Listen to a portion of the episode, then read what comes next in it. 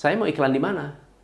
Saya mau mengiklankan apa? Tapi saya nggak pernah berpikir, ini saya mau ngomong sama siapa?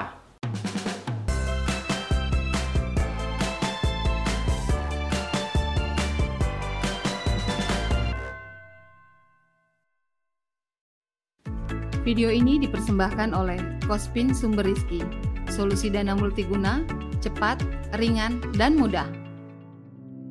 Teman-teman, kalau Anda beriklan, pastikan Anda jangan sampai melakukan lima kesalahan ini. Karena kesalahan-kesalahan ini fatal dan membuang biaya iklan Anda. Beriklan membutuhkan persiapan. Membuat iklan Anda dilihat, dibaca, dan ditindaklanjuti oleh audiens Anda, Anda harus bisa mempersiapkan diri agar iklan Anda benar-benar menjual. Nah, kesalahan-kesalahan yang dilakukan oleh pengusaha kecil, termasuk saya dulu pernah melakukan kesalahan ini, adalah yang pertama tidak memikirkan siapa audiens yang mau saya bidik. Pertanyaannya hanya satu, saya mau iklan di mana? Saya mau mengiklankan apa? Tapi saya nggak pernah berpikir bahwa ini saya mau ngomong sama siapa.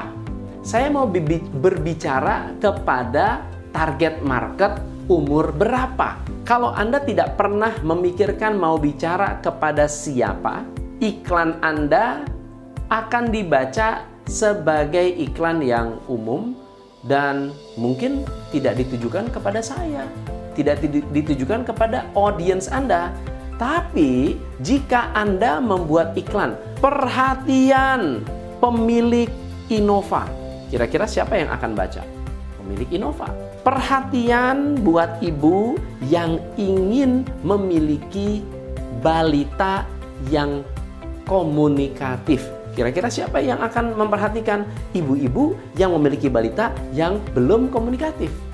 Teman-teman, kesalahan pertama ini adalah fatal. Tidak kenal target market Anda atau bahkan tidak memikirkan siapa yang akan Anda bidik, fatal. Kesalahan yang kedua, memasang nama perusahaan Anda terlalu besar untuk iklan Anda.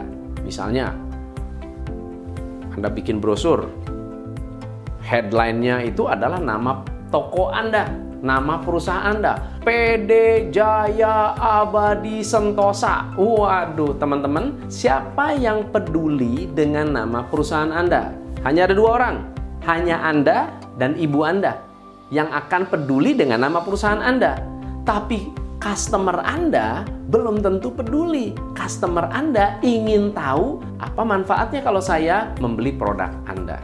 Kesalahan yang ketiga yang saya sering temui, teman-teman, adalah tidak memberikan alasan mengapa you are the best.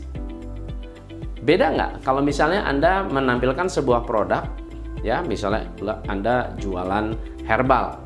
Ya herbal penghilang rasa lapar untuk orang yang ingin diet. Oke? Cuma itu doang. Dengan 10 alasan mengapa Anda harus memilih produk ini.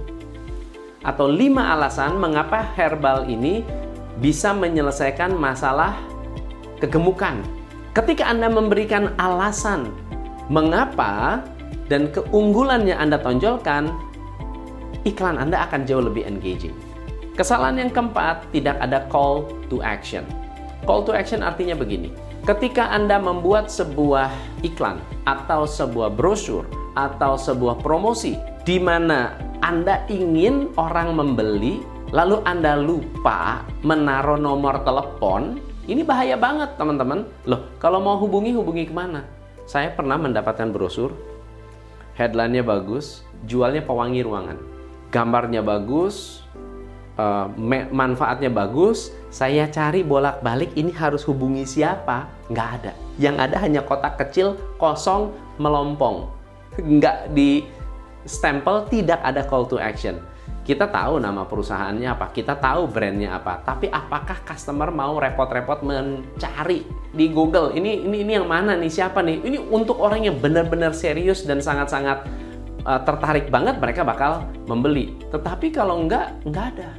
Kesalahan yang kelima atau kesalahan yang terakhir adalah tidak ada offer, tidak ada penawaran, tidak ada crazy offer atau irresistible offer yang membuat orang berpikir kalau saya nggak beli, saya rugi.